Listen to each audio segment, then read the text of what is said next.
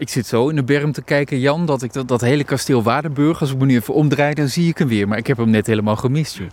Ja, maar hij zit ook achter het riet, hè, dus het valt niet mee om hem te ontdekken.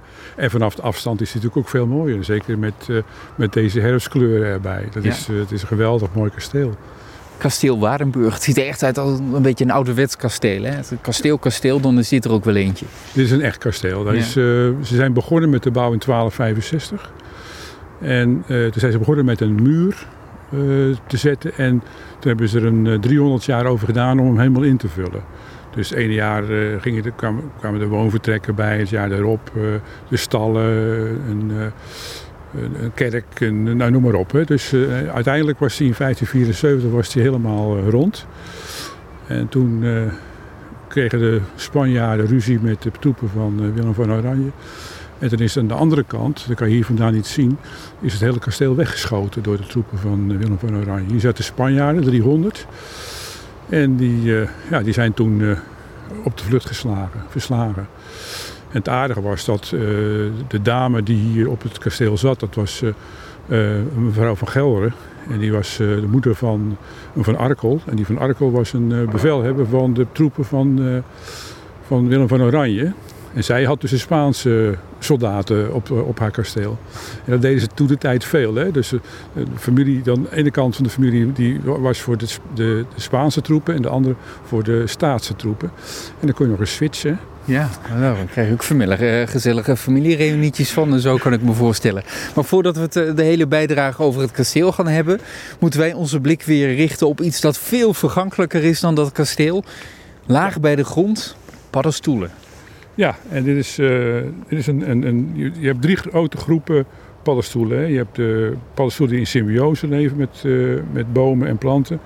Uh, je hebt parasieten en je hebt dus de, de, de opruimers, zeg maar, de saprotrofen. Nou, dit is een duidelijk voorbeeld van een, van een parasiet. Het is een honingswam. Die heeft op deze kastanje gezeten. En hij was, vorig jaar stond hij nog overeind. En toen kon ik eigenlijk met mijn arm tot voorbij mijn elleboog kon ik al in, het, in de boom, in het gat. En uh, ja, met een zuchtje wind is die, uh, is die uh, afgelopen, afgelopen voorjaar omgevallen. Nou, je ziet nu dat de zwammen er nog steeds op zitten, dus die eten nog, nog lekker door.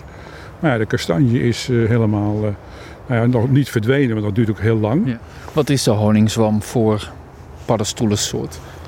Nou, het is een van de, de, de, de ergste parasieten.